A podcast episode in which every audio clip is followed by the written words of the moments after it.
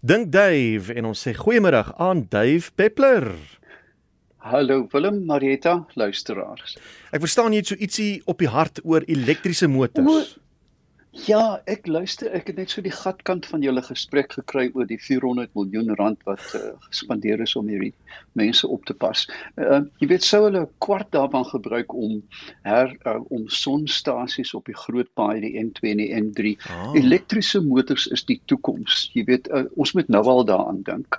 Um, kyk 'n mens na die groot uh, vervaardigers, Jaguar gaan oor 4 jaar nie meer 'n binnebrand enjin ja. maak nie. Volkswagen, Volvo, almal volg baie vinnig en of ons nou van dieselbakkies hou of nie, ons se gelief moet neem die goeders op pad en hoe gouer ons voorberei hoe beter. Ek is net bang met ons elektrisiteitsnetwerk wat meeste van die tyd maar onder verdenking is, uh gaan so iets werk in Suid-Afrika. O ja, Uh, kyk uh, waar daar wil is is daar weg. Ehm um, as jy na Appington se uh, inkopiesentrum toe gaan, hulle het die hele parkeerplek omskep met 'n sonplaas. Met ander woorde, jy kan jou nou, motor ja. parkeer.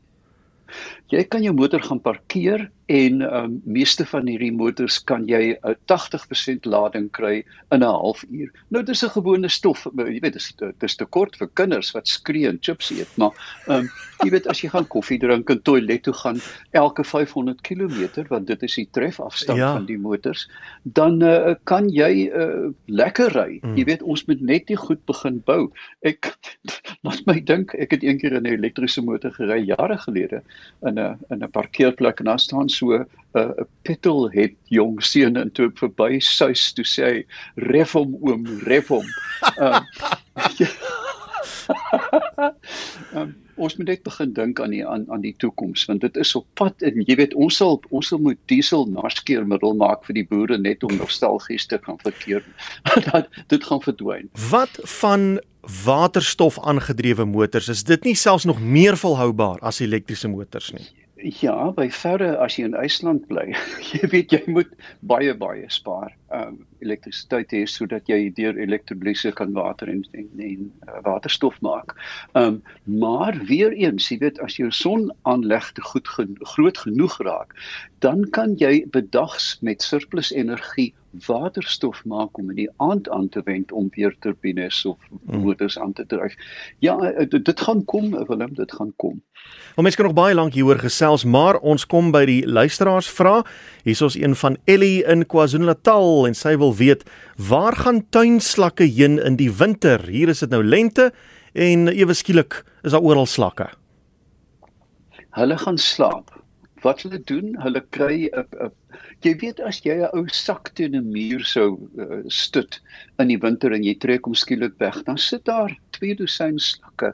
Hulle winterslaap wat hulle doen is by die opening skuile ondeurdringbare laag af sodat hulle nie verder kan uitroei nie en dan gaan die metabolisme totaal staan. Jy weet die hart klop eenmal elke 5 minute ehm um, die asemhaling is is uh, is net deur die fisie deur die laag en dan met die met die hitte of die warmte van die lente breek hulle weer die laag en verskyn soos jy weet soos die groot Afrika slak jy weet Argentina Hemel, jy kan 'n maaltyd maak van een.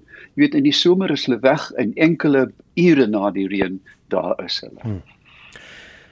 Hierso is iemand wat vra van voor die winter bly hier 'n akedissie in my TV-kamer onder die gemakstoel. Hy lê in die son en hy vlug vinnig onder die stoel in as ek naby kom. Waarvan leef hy?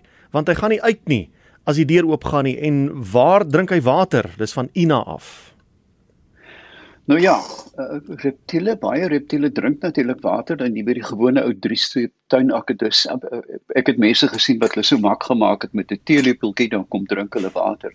Maar hulle is gewoonlik insekvretend en hulle kry meeste van hulle liggaamlike water uit die uit die uh, liggaam van die insek. Hmm. Nou onder die bank, ek weet nie hoe die tannie se stofsuier daar werk nie, maar ek vermoed daar is 'n paar 'n paar wol, jy weet veral mense wat alleen bly, jy weet jy trek 'n bank weg dan lê daar 'n persiese kat jy weet van stof. Ehm um, en ek vermoed daar is vismoetjies en heelwat uh, insekte hmm. onder die bank wat dalk 'n akedus heel gelukkig kan hou. Pikkie Kotse van Swazirenike, hy het hierheen ingestuur. Hoe groei 'n eystervark se penne as albei kante skerp is? Hoe groei dit terug wanneer dit uitgeval het? As dit teruggroei en as dit teruggroei, hoe gebeur dit? Wel, daai pen wat hy van praat is eenvoudige haar dit is 'n vervormde haar. Ehm um, en uh dit net soos ons 'n follikel het, jy weet, en as jy as jy nou soos uh, Frida Kahlo 'n uh, 'n uh, monobrow het en jy trek hare tussenuit, die goed kom terug. Jy kan maar pluk aan 'n gesighaar, jy weet, hy kom terug. Ah. Ehm um, en met ander woorde die die pen wat dan 'n vervormde haar is, groei eenvoudig weer uit daai plek waar hy uitgeval het. Nou hulle is uh, baie los in die liggaam en dit is natuurlik 'n beskermingsmeganisme want mense sê o, hemel, 'n uistervak skiet sy penne. Nee, hy doen dit nie. Hy uistervakke het 'n geweldige trierad. Jy weet hy hy snuf snuf snuf snuf rond en 'n hond snif aan die agterkant en dan spring hy agtertoe binne ah. 'n ja. oogpunt en dan sit die penne natuurlik in die molesteerder vas. Ehm um, en uh, dit is deel van sy van sy fisiologie. Dit groei eenvoudig weer terug. En terloops daar is reuse luise tussen hare. Die, die oh. jy hoor eintlik die penne, jy gril jou mal, jy jy hoor grr soos die luis hardloop tussen die penne. Groot rooi aardige goed. Ja, so as jy wil uistervark eet, pluk die penne bovenal. Oh. Hier is een van Erik Markotter in Kensington en hy vra Why is there a best before date on the water of the bottle of water you buy at a shop? En ek het ook al hieroor gewonder want daar's water onder die aarde. Dan grawe jy 'n boorgat en die water kom uit wat miljoene jare al onder gelê het, maar die water in 'n winkel het 'n best before datum. Hoekom is dit so? Ek is nie seker nie, maar kom ek waag meeste, nie almal nie, meeste van die plastiekbottels wat ons water en sappe en shampoo wat ook al in verpak, het vlugtige komponente wat loskom met tyd. Ah. En ek vermoed, ek vermoed, jy weet en hulle noem dit forever chemicals. Jy weet baie van die goed is karsinogenies en dit is hoekom mense so versigtig moet wees om kos warm te maak in jou mikrogolf indien daardie plastiek nie aangepas is daarvoor. Hmm. Jy kan nie moenie sommer enige ding daarin drink nie. Nou, wat ook daar staan, die bottel moet nie in die son staan nie. Keep in the dark cool mm. place. Dan sê hulle ook 'n dry place. Ek wonder nog hoekom die water in 'n droë plek moet staan, maar dit nou daar gelaat. Ehm um, en daar's daar sien daar's 0% vesel in. Dis ook vir my so mooi. Ehm um, uh waar was ek nou? Ja, ek het 'n vermoede dat daar is 'n afsnytydperk vir die absorpsie van moontlike chemikalieë wat uit die plastiek kom. Hmm. En jy weet self as jy 'n uh, uh, uh, bottel in die motor los en jy los hom in die venster, dan het hy daai vreemde smaak. Dis reg, ja. So mens moet maar mens moet versigtig wees en ek dink dit is net 'n beskermingsreël dat uh, sê nou maar na 8 of 9 maande begin die water dalk 'n smaakie kry hmm. van die plastiek. Naby Brits in Noordwes is 'n kroommyn. Daar is vlamme wat permanent uit die skoorstene brand. Kan hierdie hitte nie gebruik word om krag op te wek nie? Wil Hermie Burgers weet. Ja, duidelik dit kan. Daar is baie fabrieke ehm um, wat wat hierdie hitte toepas met 'n met 'n hitte omskakelaar. Jy weet, is byna soos 'n klos wat hulle aan die koorsteen sit. Dit kan herlei word. Ehm um, waar daar wil is, is daar weg. Ons sien dit baie deesdae by ehm um, by saagmeulens, jy weet waar die saagsels verbrand word. In deesdae elke moderne saagmeel het dan 'n kragopwekker. So indien dit van daai ewige vlamme is, mens sien dit ook by mm. raffinaderye, is daar 'n groot kans dat jy um weer eens wat jy weet as hulle nie so op winsbejag ingestel is nie dat hulle sê kom ons gebruik hierdie krag net om die aanleg te dryf. Ons wil dit nie verkoop nie maar dat ons net self ja. onderhoudend is. Ja dit kan gedoen word en natuurlik jy weet kroommyne die die die stofuitval van die kroom is werklik gevaarlik. Indien dit nie gefiltreer word nie ons weet koeie neem dit op en dan kom dit weer in die melk voor. So ja hou hou die plek dop en vra vra Hier is 'n vraag wat sê ek wil weet hoe kry hulle die suurstof in die silinders daar by die hospitale? Suurstof ehm um, word natuurlik onder baie baie hoë druk, baie baie hoë druk byna ek weet die die tegniek is dieselfde as die gas wat jy in jou stoof of in jou verwarmer of wat ook al gebruik. Hmm. So suurstof word opgewek of chemies, jy weet met 'n chemiese reaksie of deur elektrolise. Ehm um, ons het voorheen daar gepraat dat jy waterstof en suurstof kry en dan word dit eenvoudig met um, baie uh, kritiese pompe teen ontsaglike hoë druk ehm um, in die in die silinder uh, ingedruk en dit die druk kan so hoog word dat die vloeistof ehm um, uh, vloeibaar word en dit is natuurlik hoekom indien jy enige gasbottel oopmaak dan word hy yskoud dis as gevolg van die verdamping van die vloeistof. En dis hoekom as daar iets fout gaan by so 'n aanleg is daar 'n massiewe ontploffing.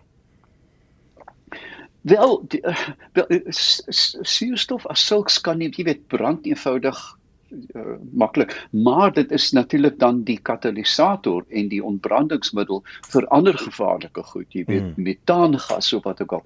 In in suurstof en metaan soos jy soos um, SpaceX vir jou kan sê moet jy nie by mekaar bring nie want dan stuur jy 'n uh, uh, uh, vuurpyl die ruimte in.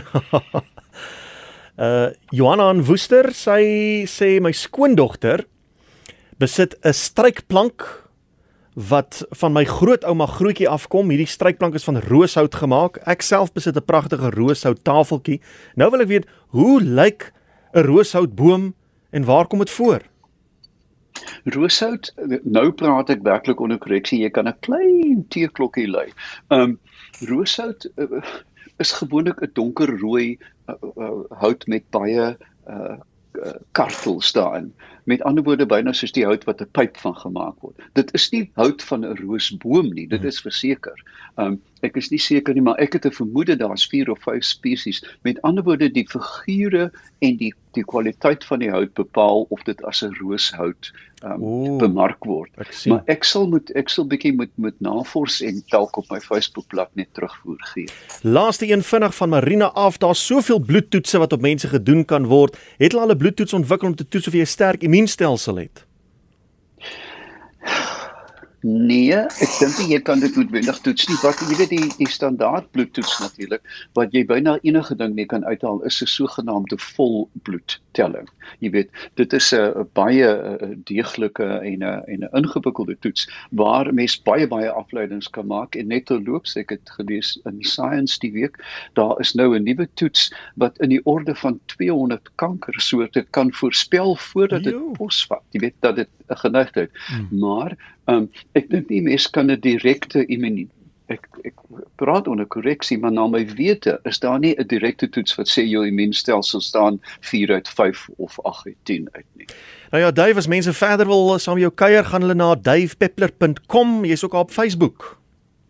Ja, daar ek het 'n interessante gesprek aan oor die gebruik van alternatiewe middels teen behandeling van depressie op die oomblik met heel wat terugvoer. Gaan kyk 'n bietjie, dit is jy weet, dit is 'n nuwe manier om te kyk na 'n na 'n aaklige aaklige siekte wat soveel hm. van ons uh, tref.